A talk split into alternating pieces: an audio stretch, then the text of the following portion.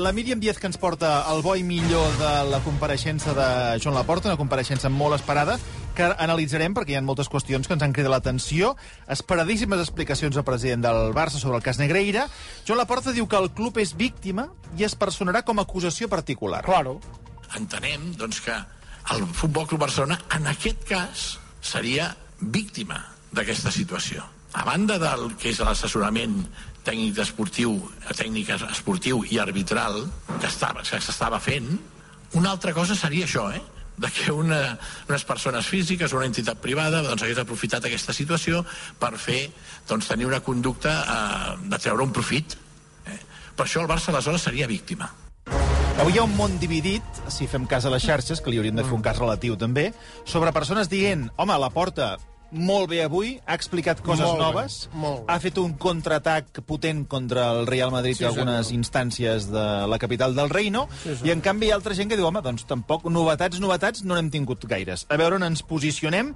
En total han sigut dues hores de roda de premsa, eh, la roda de premsa segurament més esperada dels últims mesos del, del Barça, que les analitzarem les paraules que s'han pronunciat en aquesta roda de premsa amb el Toni Muñoz, redactor de Tribunals de la Vanguardia. Toni, bona tarda. Bona tarda. Que has estat durant força temps empaparat amb qüestions relacionades amb el cas Negreira. Sí, sí, Així, sí. per començar, què t'ha semblat aquesta roda de premsa? Aviam. Llarga, eh? De fet, ha fet, el, això també és per analitzar, una presentació d'uns 35-40 minuts Mhm. i després una hora i mitja, pràcticament més, de respostes als companys de la sí, premsa. Sí, podríem dir que ha estat mitja hora eh, plantejant quins serien els punts clau, i a les idees força, i a partir d'aquí ha anat donant voltes al mateix eh, que servien, diguéssim, aquelles mateixes respostes que hi havia donat a la primera mitja hora, doncs per la següent hora i mitja, perquè bàsicament de detalls nous no n'ha donat gaires, ha donat, diguéssim, ha mantingut una línia de defensa que jo crec que era l'esperada, perquè tampoc el Barça pot aportar alguna cosa més, i és que, clar, com et defenses davant d'aquestes greus acusacions, i més quan el propi implicat, eh, José María Enríquez Negreira, et diu que li pagava al Barça per assessoraments verbals i per mantenir la neutralitat. Com, com et defenses davant d'això? Doncs què, què ha dit Joan Laporta?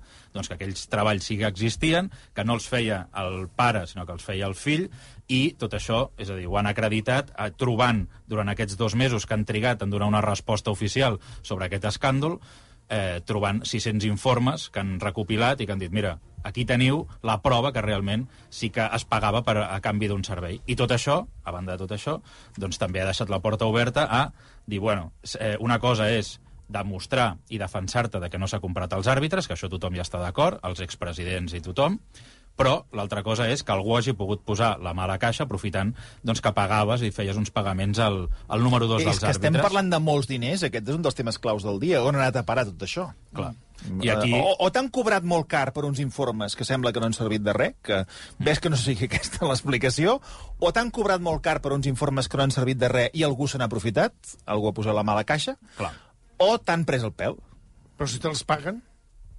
Sí, sí, No, sí, a, veure, a veure, és que al final també arribarem al cap del carrer. Si una persona per fer per posar un paper d'aquí allà li paguen 100.000 euros... Però aquí la sospita, que ara ho comentarem amb el Toni, és que algú inflés aquests pressupostos i això anés a parar a una Ah, butxaca que no és la que toca. sospita. Aquesta és la sospita. Bueno, doncs que sospitin fins Bueno, que trobin la prova. No, no, però és que el club ja està en això. El club, Clar. de fet, ho ha dit la porta, no? Sí. Que aquesta és una altra línia de- Clar. d'investigació. Clar, clar. És a dir, algú aquí- posar la mà a la caixa. Aquí tenim, diguéssim, do, dos fronts oberts. No? Un és el de la compra d'àrbitres, que és el que s'està investigant i el que el Barça serà eh, investigat com a club, juntament amb Sandro Rossell, Josep Maria Bartomeu i dos execu exexecutius del club, així com Enríquez Negreira. Això tenim una banda per aquí, que el Barça confia que acabarà en res, perquè no és només doncs, que tu eh, t'acusin d'haver comprat àrbitres, sinó que has de poder demostrar que has Claro. comprat àrbitres i també han de sortir alguns àrbitres que diguin Ara, ei, ara. jo coneixia no sé qui que li Sí. van pagar per eh, Just. alterar el resultat. Just. No tampoc caso. és tan fàcil i el Barça confia que això quedi en no res. Claro. Ara bé, aquí també se sap, perquè a partir del 2015, quan entra aquesta figura doncs, d'aquest senyor, que se li està parlant que és exdirectiu, però que era una persona vinculada al Barça, sobretot a l'àrea social i tot això, que és Josep Contreras, que aquí és quan es canvia el sistema de pagament d'aquests informes arbitrals, sinó que aquest senyor feia d'intermediari. Diu, mira, a partir d'ara no li pagarem els diners directament a Negreira, sinó que me'ls pagareu a mi, jo li compraré els informes, però què passa? Que després aquest senyor, quan li feia que el Barça li pagués aquests informes, li posava un recàrrec del 33% i, se'n- i se, que se'ls quedava ell. Val? Aleshores, aquesta intermediació sí que sembla doncs, que ell aprofitava per embutxacar-se diners per la porta del darrere. I és això que li ha anat, diguéssim, eh, en fi, això ha servit perquè eh, Joan Laporta hagi dit si es demostra que algú s'ha emportat el patrimoni del club, el Barça es presentarà com a acusació particular. També perquè li és més fàcil dir tot això i donar aquest missatge de contundència. Doncs perquè això comença, aquest tipus de pagaments, a l'any 2015, quan la Porta no, ja havia, havia acabat la seva primera etapa com a president. Perquè, clar, el problema que té I Joan la porta Laporta... no està investigat en aquesta qüestió. Perquè està prescrit. És a dir, hi ha Sandra Rossell i Bartomeu, però la porta com a president no està, no Clar, està investigat. clar. Ara parlarem de tot plegat amb una persona que em fa molta il·lusió saludar i que parla clar i català sempre, que és el exàrbitre Sergi Albert. Sergi, bona tarda. Bona tarda. No sé on ets, però segur que ho has seguit. Aviam, ho he seguit perquè em veu dir si... eh, Vau tenir... Perquè et vam obligar, no? de si- no, no, que em veu dir si volia participar, ja sabeu, em costa molt dir no, i sí, eh, estic lluny, eh, ho he seguit i tinc totes les dades que ha facilitat el senyor Laporta, i, bueno, després de sentir el Toni Muñoz, és? Sí. Pues, em sembla que poca cosa puc aportar, perquè ho ha clavat. Ara anirem desgranant una miqueta tot plegat. Uh, tindreu moments per anar comentant diverses qüestions i també deixeu-me saludar a l'advocat en dret de l'esport, que és el Marc Ramolà. Marc, bona tarda. Hola, bona tarda. Gràcies per atendre'ns. Ara anirem amb la Míriam Díaz fent una ràpida dissecció de tot el que s'ha dit i a partir d'aquí aniran sorgint diverses preguntes que anirem comentant. Per on comencem, Míriam? Doncs mira, uh, sobre el que deia el, el Toni de uh, doncs si si s'ha pagat a àrbitres o, uh, o no, uh, Joan Laporta ha remarcat que el Barça no ha comès cap delicte de corrupció esportiva, diu que mai han pagat a ningú per comprar àrbitres i alterar la competició, i el que deia el Toni, que han trobat de, doncs, fins a 629 informes en paper i 43 CDs fets des del 2014 en endavant. Això, això, Això Toni, això on era? On era? Això, mira... Eh... O sigui, això que no es tenia i avui ja han sortit físicament aquests informes amb aquestes caixes que s'ha pogut veure a la roda de premsa, això on era? Doncs això era, eh, o ho tenien emmagatzemat en els discs durs del club, que no s'havia trobat, perquè aquí... Per què s'havia fet aquesta sospita de que realment no existia? Doncs perquè el propi Barça va admetre davant l'agència tributària, quan li van demanar, diu, escolti, aquestes factures que s'han fet, per quin servei? Ensenyi'm quins treballs s'han fet. I el Barça va dir, ostres, jo és que això, aquests serveis no els trobo, no trobo aquests informes. I aleshores va ser quan van dir, escolta... Doncs Hem a- pagat per uns informes que no tenim, no? Clar, i aleshores, clar, quan tu pagues per una cosa, quan tu factures per un servei que no t'han prestat, eh, és Miau, corrupció. És miau, corrupció sí, sí. No? Però, clar, eh, el Barça eh, va obrir, diguéssim, o va encarregar una, una investigació interna al despatx de l'Andreu Van den Einde, recordeu, advocat Sí. sí. Oriol Junqueras, per exemple, i d'altres tants, i això ha sigut... Això era so ambient, so Ah, ambient, sí, Solemne. sí. Val. I eh, aquest, aquesta investigació interna, doncs al final han pogut recopilar mm. fins a 629 informes. On estaven? Doncs només els discs del club i també doncs, els que va portar el fill d'Enriquez Negreira a la causa, que també els van aportar, i també els que van trobar quan van escorcollar a casa de Josep Contreras, no en aquesta causa, perquè el senyor Contreras doncs, va morir el passat mes de desembre, sinó fa uns quants anys quan el van investigar i el van detenir, de fet, quan van escorcollar casa seva en el marc de l'operació Soule, que és la que investiga el desviament de fons des de la Federació Catalana cap a la butxaca d'algunes persones i també de la Federació Espanyola, en l'època d'Àngel Maria Villar, també desviament de diners. Doncs en el marc d'aquella causa també van recopilar molta informació que tenia emmagatzemada Josep Contreras, com abans hem explicat, intermediari eh, entre els Negreira i el Barça, i, doncs, en, en fi, han recopilat tota aquesta informació i avui han pogut aportar aquests 629 informes fets en 4 anys. Per tant, surt una mitjana de 150 informes l'any, el que ells consideren doncs, que és una... Bé, que són molts informes i que per això queda acreditat que no pagaven per res, sinó que pagaven per una feina que efectivament es va fer. I ha volgut destacar que aquests informes els hi encarregaven a Negreira fill, no al pare. Yo entiendo que la relación paterno-filial aquí también influye.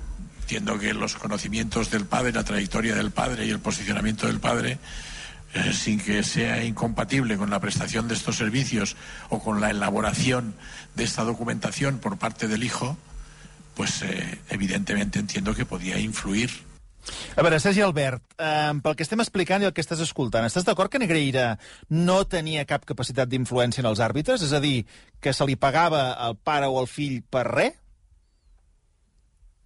No, no, a veure, eh, jo crec que no, que ells estaven segurs de que, que, estaven, que estaven aconseguint, aconseguint, o, o a veure, el que jo conec d'ells dos, li venien que en res, que ells podien fer... Molt, molt, tenien, com diria, un poder intimidatori aquell de que et truquen per telèfon i diuen, oye, que te tienes este partido, a ver, a, a ver lo que vas a hacer. I amb això ja en tenies prou. I això, això és una cosa que es ven, però bà- bàsicament de tot això que estan dient aquí és que, a veure, un àrbitre, quants informes necessita per saber com ets? Primera. Segona, com pot ser que els informes els faci el fill, que no ha sigut àrbitre mai, i els cobri el pare? Val? I, per tant, aquests 629 informes, doncs, bueno, si hagués passat 1.400 també l'haguessin pagat. No, no té sentit. Una persona, un àrbitre és com és, i durant aquella temporada tu pots fer un informe de l'àrbitre, és a dir, pots fer 30 informes per temporada. 629? Bueno, doncs, escolta'm, si volen pagar 629 informes, em sembla doncs, perfecte. Dividit més o menys donaven 12.000 12.000 euros per, per informe, caram, i no hi havien trobat res al mercat amb un àrbitre, ja no dic de primera o de segona divisió, que ho hagués pogut fer igual de bé. Mm, Val. I de totes maneres també, deixeu-me que ho deixi aquí perquè estic de vacances i quan torni, això no s'acaba aquí. Ep. És a dir, comencen a tenir por, comencen a tenir por totes aquestes argúcies i comencen a haver-hi algunes pressions. Quan torni de, de vacances i en funció del que em diguin els Mossos d'Esquadra ja parlaré.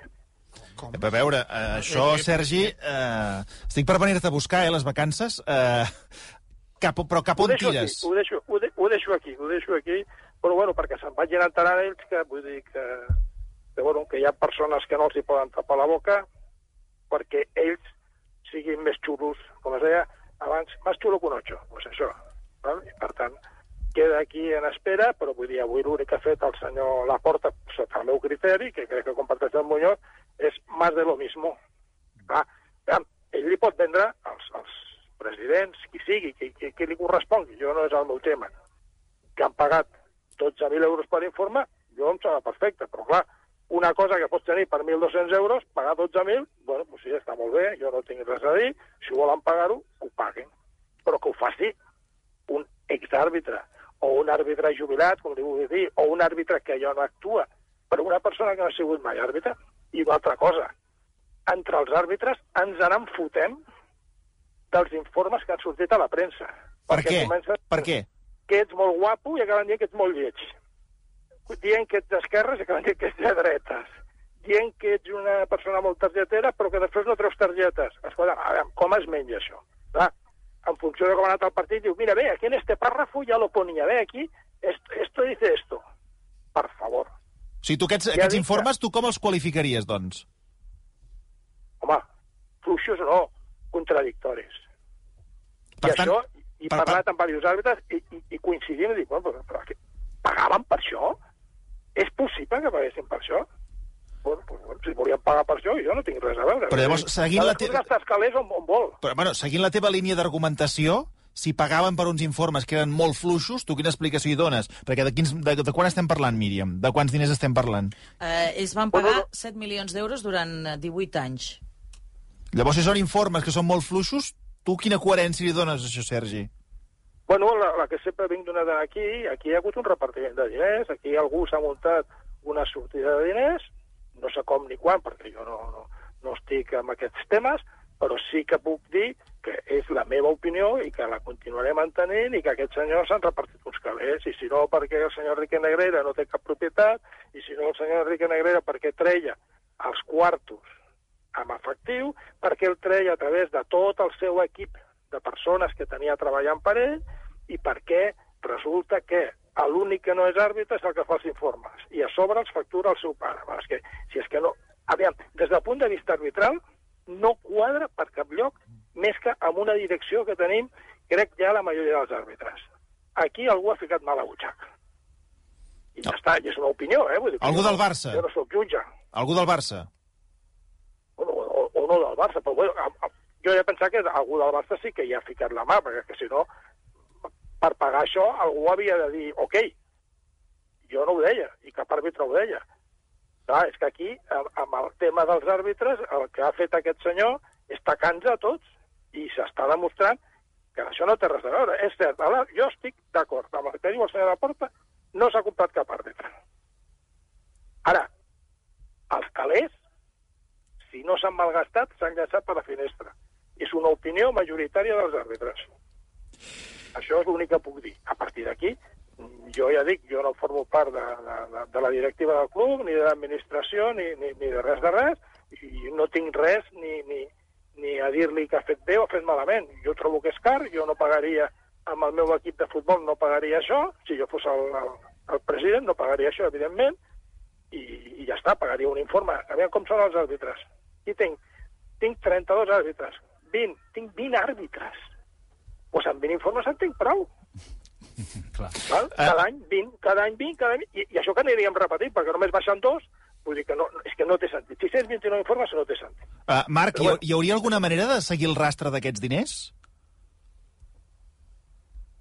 Penso que si no ha sigut capaç l'agència tributària amb els mitjans que té per fer treure la conclusió de- d'on han anat a parar aquests, aquests diners, doncs eh, difícil, difícil serà en l'àmbit en l'àmbit de la justícia. Jo suposo que aquí doncs, la investigació del- en el procés penal és la que podrà arribar a determinar doncs, on, han anat, on han anat parar aquests diners, qui els ha cobrat, eh, de quina manera, i, i a veure, eh, serà una miqueta a, a l'expectativa del que pugui resultar del, del, del, de la investigació penal oberta en aquest jutjat de Barcelona. Clar, perquè aquí, eh, Toni, o sigui, el Barça que, el que sí que ha dit és que si veu delicte penal actuarà.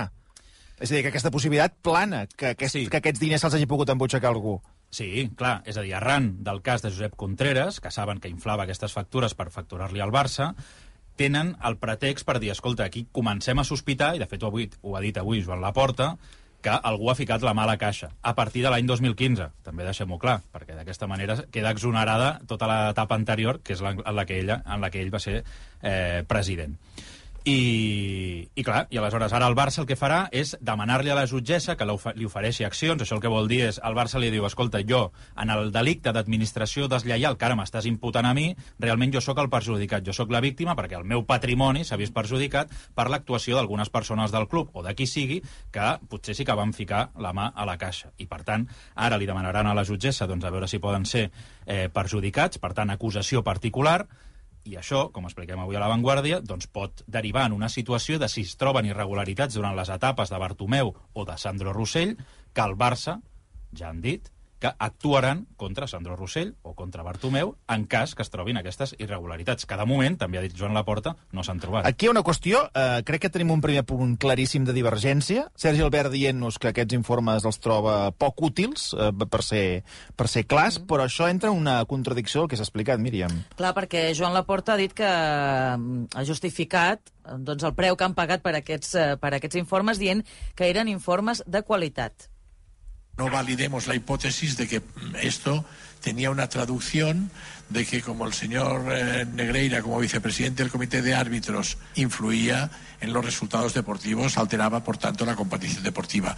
Esto no es posible. No tenía esta capacidad el señor Negreira, eh, Enríquez Negreira.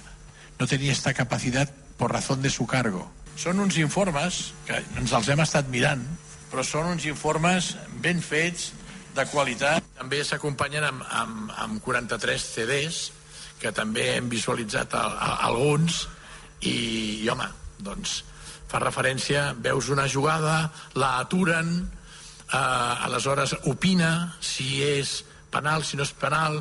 Ta- També és interessant esportivament el fet de que et parlen de les característiques dels àrbitres que arbitraven en aquell moment, de si era un àrbitre que tenia facilitat a l'hora de treure targetes, que si se, li agradava que el tractessin de vostè o de tu. És a dir, són, són informes precisos, molt precisos en quant a, al que és eh, eh, un assessorament tècnic i, i arbitral. A veure, Sergi Albert, és, és important que saber d'un àrbitre si et tracta de tu o de vostè? Claro.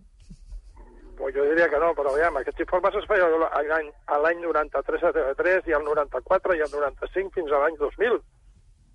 Per favor, per favor, que això està a l'abast de qualsevol àrbitre que hagi estat a la categoria nacional, cosa que el senyor, el fill del senyor Enrique Neguerera no ho era. Si a casa l'informe el faria ell i li diria al seu fill que havia de dir. Però jo m'he llegit els que han sortit, evidentment, jo no sóc causa que m'hagi presentat i no tinc, però els informes que han sortit a la premsa són contradictoris i els heu de llegir. Simplement, inclús els que va fer a l'avantguàrdia posteriorment a l'any 2020 21-22 que va estar escrivint el, el senyor Enrique Negreira a La Vanguardia. Crec que era Mundo Deportivo. Crec que era Mundo Deportivo, sí. Perdó, sí, sí, no, no, era Mundo Deportivo, disculpeu-me. Doncs és el mateix, comença dient una cosa que va dir una altra. No? A, a mi, ni, ni a resta de companys que he consultat, per, perquè, clar, la meva opinió no és única, o, bueno, i per tant han coincidit en que són uns informes fluixets. Però escolta, la porta diu que el I fill que- de Negreira... una... Sí, No dic que el fill de Negreira estava preparat per fer aquest tipus de tasca. Ho ha dit la porta durant la, la roda de premsa. bueno, doncs només hagués faltat que l'haguessin posat d'àrbitre de primera divisió que s'hagués guanyat millor la vida. Ah, és que, és que, aviam, tot, tot, tots els àrbitres no som. Eh, callats sí sabem estar. Però vull dir, clar, que no, no, que no ens vulgui deixar com a tontos a sobre. Dir, aviam, aquest senyor no està preparat, més que parlava el senyor Luis Aragonès, eh, que crec que va anar al Fenerbahce, de coaching, etc etc. I a més a més, qui li dirà, i repeteixo, amb un coaching que el seu pare és el vicepresident, que no vol ser el seu coaching, que no, que buscarà altre coaching. Doncs no hi havia mitja dotzena, els més a pagar, i a pagar en negre, com ja he dit. Vale? I, I el que volia factura, amb aquest li cobrava més. Vale? Pues tot, tot això ho, ho saben els àrbitres, callaran, perquè clar, els que han pagat en diner negre, negre no ho diran ara. Però és així. És que, és que ho saben tots els àrbitres. Però què vols dir que pagaven amb, amb diner negre, Sergi? Pues clar, jo volia una sessió de coaching. Eh, ¿Qué me cobras? 400 euros. Hostia, 200 en negro. Venga, hecho. Pum. Sessió de coaching. Però això que era el propi Negreira que anava pa, a diferents estaments i El anava fill, oferint el el, coaching, sí, sí, el clar, coaching del clar, fill, perquè- no? Ah, perquè anava dient, i, escolta, que, hey, que yo soy el hijo del vicepresidente. Clar, a l'àrbitre que anava a dir, pues como no, no sé quin coaching és millor, pues m'agafo el fill del vicepresident i estaré, estaré millor vist. Clar, però el vicepresident, a priori, pel que estan explicant, no tenia gaire poder, no? O sembla que no tenia gaire Com, com, poder. com, com, com? Que no tenia gaire poder? No, pregunto. Això diuen, sí, No, no, sí. jo, jo oh, sí, va, clar, mira, escolta, eh, jo puc dir ara que estic parlant des de l'Hospitalet de Llobregat. Ja està. Això, això, que no tenia cap poder, sembla mentida, sembla mentida que el senyor Luis Medina Cantalejo, que havia format part de la directiva amb la que estava el senyor Enrique Negreira, només li puc dir què. O perquè no se n'ha donat compte, o perquè ha callat, una de les dues, no ha dit mai res. Si ell diu això, és cert que no és cert. El senyor Antonio Jesús López Nieto, que al principi va sortir dient que no tenia cap poder, ja ha fet marxar enrere. El senyor Iturralde González no ha dit en cap moment que no tingués poder. Clar que tenia un poder. Que no era, que no era total. Per suposat que no era total. Però tenia Però poder sí, per tenia influir en poder. els àrbitres, doncs? O, en la seva, a o, o influir- per triar la seva influir, no. designació? a influir. Home, a fer la seva classificació, sí. Això, els, per mi, on jo sé, el, els que feien pujar i baixar els àrbitres es deien Victoriano Sánchez Arminio, Ángel Franco Martínez, José María Enriquez Negreira i el gallec que ara no em surt el nom. Ja està. O, o què passa, que pujaven sols els àrbitres? Escolta, això del coeficiente corrector que s'ha parlat tant, existia i continua existint aquest coeficiente corrector. És a dir, seg- segons àmbits els hi sembla, el partit ha sigut difícil o, o no ha sigut difícil. Bueno, a vegades els partits són fàcils o difícils en, en funció de qui va. Com ja saben qui va, doncs es porten millor o es porten pitjor. Per tant, aquest coeficiente corrector, que li han donat un altre nom, que és corruptor, han baixat i pujat a la gent que els ha donat la gana. Jo estic fart de dir amb totes les emissores durant tots aquests anys que els millors àrbitres no estan a primera divisió. No tots, per suposat, però que no, la selecció d'ascens no era l'adequada. Ho he dit des de l'any 93. Bueno, si el 2023 sembla ser que tenia bueno, una certa informació, doncs ja estic content. Però que això, això ha sigut així. No, subes tú, ¿por qué subes? Ah, no se sabe. ¿Por qué bajas? Tampoco se sabe. Bueno, això no és ni quan jo vaig pujar ni quan vaig baixar. Quan vaig pujar, sí sé per què vaig pujar, perquè em va interessar saber-ho. Per una cosa de prurito professional, que es deia abans. I quan vaig baixar també em vaig enterar per què vaig baixar. I per què? I no vaig sortir a queixar. Pues, possiblement perquè vaig aconseguir que el senyor José Plaza i el senyor Vicente Acevedo Román deixessin el Comitè Nacional d'Àrbitres. Els últims informes que es van fer ells. Però, I, perquè i, et, i, et, va, I et van castigar? Bueno, però jo ja ho sabia, però no val queixar-se. Quan un lluita contra el poder, i no, i no guanyes, ja saps el que et toca. Ja, però potser el criteri hauria de ser diferent, no? No de despatxo, sinó esportiu. Bueno, però és, el- és el que hi ha. Ah, És ja. el que hi ha, vull dir, jo, jo, jo ho he viscut. Mira, I a més, ara ja, de- després d'aquestes coses que m'estan passant últimament, eh, ara faré un petit, eh, com es diria jo, un petit escrit eh, que es dirà de, de vicepresidente a vicepresidente. Ja li he posat títol ara mateix. Serà interessant veure l'evolució del senyor Villar en tot el tema de l'arbitratge. És a dir, el seu canvi radical de postura respecte a com havien de pujar els àrbitres. I, una, I començarà així. A l'any 1987 entra a la reunió d'àrbitres de començament de temporada i diu los que estén descontentos con el señor Plaza, con el señor Acevedo, que haya pasado algo, no sé qué, pum, pum, pum, pum. que lo digan. Silenci sepulcral. Qui anava a dir en una reunió d'àrbitres que no estaven d'acord amb el senyor Vicente Acevedo o amb el senyor José Plaza. Tots callats, per favor. Per tant, vull dir, aquesta posició seva canvia tres anys després i fitxa, tenint un president d'àrbitres que es deia, bueno, que es diu Pedro Sánchez San, fitxa el senyor Vicente Acevedo Román com a persona de confiança. O sigui, la seva confiança amb el president ha acabat, perquè el senyor president aquell fa el que creu que ha de fer, i fitxa el senyor Vicente Acevedo Román, que era, com nosaltres li dèiem, cardenal Richelieu o el forro plateado, perquè era el que sabia moure's entre bambalines. I a partir d'aquí ho connectaríem amb tota l'evolució que llavors té el col·lectiu arbitral. Però, bueno, és llarg, ja em dedicaré temps, i, bueno, com tinc ara, ja us he dit, altres coses que fem els Mossos d'Esquadra, doncs quan vingui ja, ja ho solucionarem, i Però mica què- en mica... però què faràs la amb els. O sigui, la, la consulta als Mossos, Sergi, qui, quina és exactament? Què vols consultar? No, no, no, no la vull dir. Primer vull parlar amb els Mossos i després ja, si l'he de dir, ja l'he diré. Però, però, però és un, una qüestió de... És a dir, per què els Mossos? Amenaces o, o de, de què estem parlant? Deixem-ho aquí. Jo, que sabeu, que, o que sàpiguen, perquè també he escoltat la ràdio, que, que jo sigo para adelante. Que sàpiguen Jo, qui, que són el que àrbitres. dic- O... El que, el que jo dic, jo no mentiré. Jo, com a molt, tu em pots fer una pregunta i diré, mira, no et vull respondre perquè no, no em vull implicar. Per una vegada estic implicat, jo arribo fins al fons i no, i no tinc... No, bueno, no, tinc, no sé, no sé ser d'una altra manera. No, Però la pregunta no, que et faig jo és, tan amenaçat? No, no, jo, jo no contestaré amb aquesta pregunta. Val. Però està relacionat amb el estic cas fora, estic de Negreira. vacances, estic fora. Bueno, jo, jo ho entenc així. Per això vull parlar amb els senyors que porten el tema, perquè em diguin si es pot relacionar o no. Ja està. I la faré pública, eh? Vull dir, no us preocupeu, que la faré pública perquè sóc així. No, no, A veure. no, no és tarannà. Doncs respectem, evidentment, eh, les gestions que volia fer el Sergi Albert. Míriam, i parlem de seguida també amb el, amb el Marc, que tenim moltes preguntes. Sí, anem amb el tema eh, mm, Josep Contreras. Eh, la Porta ha dit que, o ha assegurat que ningú va ficar la, la mà a la caixa al llarg del seu mandat, del 2003 al 2010, i també ha evitat volcar sospites sobre els altres expresidents implicats.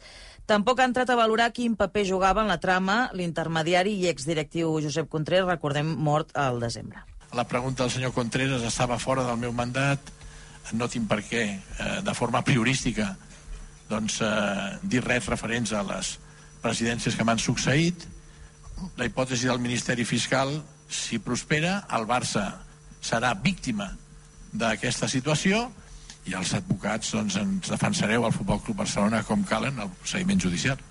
Això ja ha dit, en cas de demostrar-se que algú es va embutxacar diners, a partir de la trama d'aquest cas es personaran com a acusació i defensaran l'honorabilitat del club. Els serveis jurídics ja han, han interposat accions judicials contra les persones que doncs, de forma irresponsable estan doncs, eh, atacant o intentant embrutar l'honorabilitat del club. Seguirem fent-ho. Eh? Ara no li concretaré accions, però cada vegada que algú s'extralimita i a més a més té, doncs, mm, eh, fa una sèrie de declaracions o manifestacions interpretant de manera tendenciosa totes aquestes situacions veiem obligats a, a, a, a interposar les accions que calguin en defensa de la reputació del Barça, de la imatge, del prestigi, de l'honorabilitat del Futbol Club Barcelona. Fins a 20 demandes ja han presentat al Barça per uh, aquest cas. Què et sembla aquesta estratègia, Marc? Bueno, eh, l'estratègia del, del Barça en aquest sentit eh, és una estratègia defensiva, en, enteneu-me, eh, adequada per intentar justificar aquest sobrepreu eh, o aquest preu que fins i tot es deia de 12.000 per informe, no? És a dir, com pots pagar eh, un preu tan alt mm, si no hi ha algú que també que a part doncs, dels Negreira doncs es, es pugui estar beneficiant doncs, del, del, d'aquest tema, no? d'aquests informes del Barça. Potser el Barça no es va arribar mai a, a plantejar perquè en el món del futbol les xifres sempre són estratosfèriques i quan es parlen de, de xifres de 12.000 per, per nosaltres és molt, però, però en clubs d'aquesta, com el Barça, doncs 12.000 euros potser és, és, és, és, és, és xavalla, no? Uh, nosaltres, nosaltres, nosaltres d'alguna manera sí que ho veiem car, però per ells millor no, eh, però evidentment sí que eh, facilitava doncs, que hi haguessin aquesta, aquesta espècie d'intermediaris que mm, d'alguna manera doncs, poguessin arribar a inflar, però mm, és una estratègia que considero força adequada i a més a més doncs, eh, si a més a més s'apunta cap a persones que, com en aquest cas s'ha dit, de, del Contreras, que, que, que és mort, doncs evidentment la defensa doncs, eh, d'alguna manera, a més a més, és fàcil fàcil perquè, evidentment, eh, tampoc eh, s'hi podrà defensar. Clar. Que... Jo t'anava a preguntar si és molt fàcil o molt difícil demostrar que un informe està inflat. Eh, és un tema, aquí al final eh, serà un tema de pericials, de pericials de tipus econòmic i al final el preu, els preus eh, els marca el mercat. Jo no sé exactament si estàvem a preu de mercat, si no estàvem a preu de mercat, si en el món del futbol pagar 12.000 euros per un informe és molt o poc, Eh, però, clar, evidentment... Eren menys, eh? Deixa'm dir que eren menys de 12.000 euros. Eh? Sí, Normalment, es va, el, el que va dir el fill de, de Negreira, que ell cobrava uns sí. 6.000 o 7.000 euros cada mes per haver mm. fet aproximadament uns 10 informes al mes. Vull dir bueno, que el preu seria, seria llavors, una mica menys. Són 600 euros, no? Exacte. No? Entre... Entenc. Bueno, bueno, va, si són 600 euros, 600 euros per informe, doncs no és un, no és un preu no és un preu inflat, no és un preu de, de exageradament uh, inflat, i eh, seria perfectament defensable que estaria dins dels, dels barems. Eh, L'única cosa que se que m'acut és veure si pels informes de scouting de jugadors es paguen aquests preus o no, no ho sé. Ja, ja és un tema també com a element comparatiu de, a, a nivell d'informes tècnics que es puguin arribar als clubs, quins preus s'arriben a pagar. Entenc que el Barça és persona física imputada? Entenc sí, que sí, oi? Sí. sí. sí. Llavors, de quines sancions podíem estar parlant eh, en el cas del Barça? Bé, en el cas del Barça eh, tenim per una banda els directius implicats, que en aquest cas doncs, eh, poden tenir, evidentment, penes de presó i inhabilitació per l'exercici del seu càrrec, i llavors, com a persona jurídica, eh, com a club, doncs, eh, doncs bueno, el Codi Penal doncs, pot preveure com a, com a penes la, la, la, la intervenció, administració, fins i tot dissolució del, del club. Eh, jo en aquest cas, en el cas, jo penso que el cas Negreira, al final el Barça eh, veient involucrat en una mica en una, en una lluita de poders eh, en una lluita de poders en els que jo ja ho vaig comentar una altra, una altra vegada, però aquí no només estaria... Si està el Barça implicat, també hi ha d'estar ja la Federació Espanyola de Futbol eh, implicada, perquè, evidentment, el, en principi, si el receptor doncs, d'aquests diners, i es considera que aquests diners doncs, està, està, està un senyor que té un càrrec a la federació, que és el vicepresident del comitè tècnic d'àrbits, doncs uh, la federació també seria responsable, és a dir, tindria que estar imputat al Barça, tindria que estar imputat a la Federació Espanyola de, de, de Futbol, els directius que haguessin intervingut en aquest tipus d'intervencions, i no només ser la dissolució del Barça, sinó també podríem estar parlant de la dissolució de la Federació Espanyola de Futbol. D'aquí també hem d'entendre la, interven la intervenció activa, d'aquí també hem d'entendre la intervenció activa del Tebas com a Lliga i en aquesta pugna de poder entre la Liga y la Real Federación Española de Fútbol en la organización de la máxima competición eh, de futbol a, a Espanya. No? Aquí al final són pugnes de poder i el Barça d'alguna manera es veu, es veu, es veu entremig utilitzat i de, i de refilón tenemos el otro, el otro, el otro hilo argumental de la Superliga, que evidentment jo entenc que UEFA utilitzarà el, el cas Negreira com un element de negociador i d'intentar que el Barça de dir, bueno, jugarà Champions sí, tu no dones suport a Superliga, no? I d'aquí també, possiblement també l'entrada en l'escenari del Real Madrid. Una mica Mira, parlant del Madrid, eh, la porta ha acabat, i amb això també acabarem, eh, atacant. Eh, són les explicacions les que ha donat fins ara, i llavors Ella fixa la diana cap a Madrid, Míriam. Mm. Cap a Madrid. Si primer amb el president de la Lliga, Javier Tebas, eh, com a instigador, diu d'aquesta campanya de desprestigi que, segons ell, hi ha cap al Barça. I aquí vull senyalar el president de la Lliga de Futbol Professional. Ha tingut una actuació irresponsable, està tenint irresponsable, poc prudent i d'una manca de professionalitat evident. Tant amb les seves manifestacions constants per tal d'alimentar tota aquesta polèmica, com també amb accions d'aportar documentacions a la causa que després han resultat que eren errònies, que no coincidien amb la realitat. Just, justament demà la Porta coincidirà demà passat amb Tebas a l'assemblea aquesta extraordinària de la Lliga en què eh, haurà de donar explicacions del cas davant de tots els clubs de la competició. Allà també hi haurà Florentino Pérez, eh, president del Madrid, perquè també ha tingut eh, dolces paraules, podríem dir, per personar-se en el cas Negreira. També ha dit que eh, el Madrid és un club històricament beneficiat pels àrbitres oh, i, i l'ha tillat del club del règim. Durant set dècades, la majoria dels presidents dels comitès d'àrbitres han estat gairebé de forma ininterrompuda, o ex-socis del Real Madrid, o ex-jugadors del Real Madrid, o ex-directius. Clar que aquest club es personi i, i alegui que se sent perjudicat esportivament en el període millor de la història del Futbol Club Barcelona, home, em sembla un exercici de cinisme sense precedents. I mireu, el que, el que confio és que en aquest judici almenys se'ls pugui desemmascarar i aquest judici el pos, els posin al seu lloc. Sergi, el Real Madrid és el club del règim? Bueno, això diuen, que és el club del règim. Però tu què penses? Eh, jo... Bueno, sí que és cert que quan hi ha dictadures eh, a l'esport és una eina per eh, dulcificar o o digue-li com vulguis, les dictadures. I, vull dir, i no oblidem que el, el Madrid va ser el representant a Europa únic espanyol durant molts anys. I el Madrid se'l va beneficiar? Bueno, si més no, eh, vull dir, eh, segons van explicar el mateix Saporta en un moment determinat, sí que és cert que utilitzaven el tema aquell de les boles fredes i boles calentes amb els sortejos. Com a mínim aquí sí que feien, diríem, trampetes. Tu, tu hi dones credibilitat aquesta teoria de les boles fredes i calentes? Home, jo, si ho va dir una, una, pers una persona que era del Madrid i que ho va dir-ho, pues, li dono credibilitat. Si és una del, del Girona, de l'Espanyol o del Cádiz, pues, no li donaré cap. I que el Madrid hagi sigut un club històricament beneficiat pels àrbitres, com diu la Porta? Aviam, quan hi ha una diferència, sobretot en aquelles èpoques tan grans de futbol, parlar d'això a vegades em sembla inapropiat. Em sembla inapropiat. I, per tant, jo no...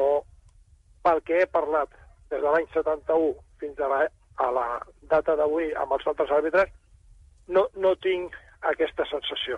Sí que és cert que el president dels àrbitres, segons en quins partits, ja fossin del Madrid o ja fossin d'uns altres equips considerats grans, sí que és cert que trucava i et deia he depositado toda mi confianza en ti. Cadascú pot interpretar aquestes paraules com vulgui. I jo no li puc dir com les ha d'interpretar ni, ni a tu, ni al senyor Laporta, ni, ni al meu fill. Cadascú fa la lectura a vegades que més li interessa. Sempre dic que totes aquestes analítiques es fan amb la samarreta del teu club posada a sobre. I per fer aquest anàlisi t'has de treure la samarreta, ser el més objectiu possible i les conclusions serien molt més ràpides. Sergi, moltíssimes gràcies. Una abraçada. A vosaltres, que vagi bé. Fins aviat, cuida't. Marc Ramola, moltíssimes gràcies. Moltes gràcies. Fins una altra. Adéu-siau.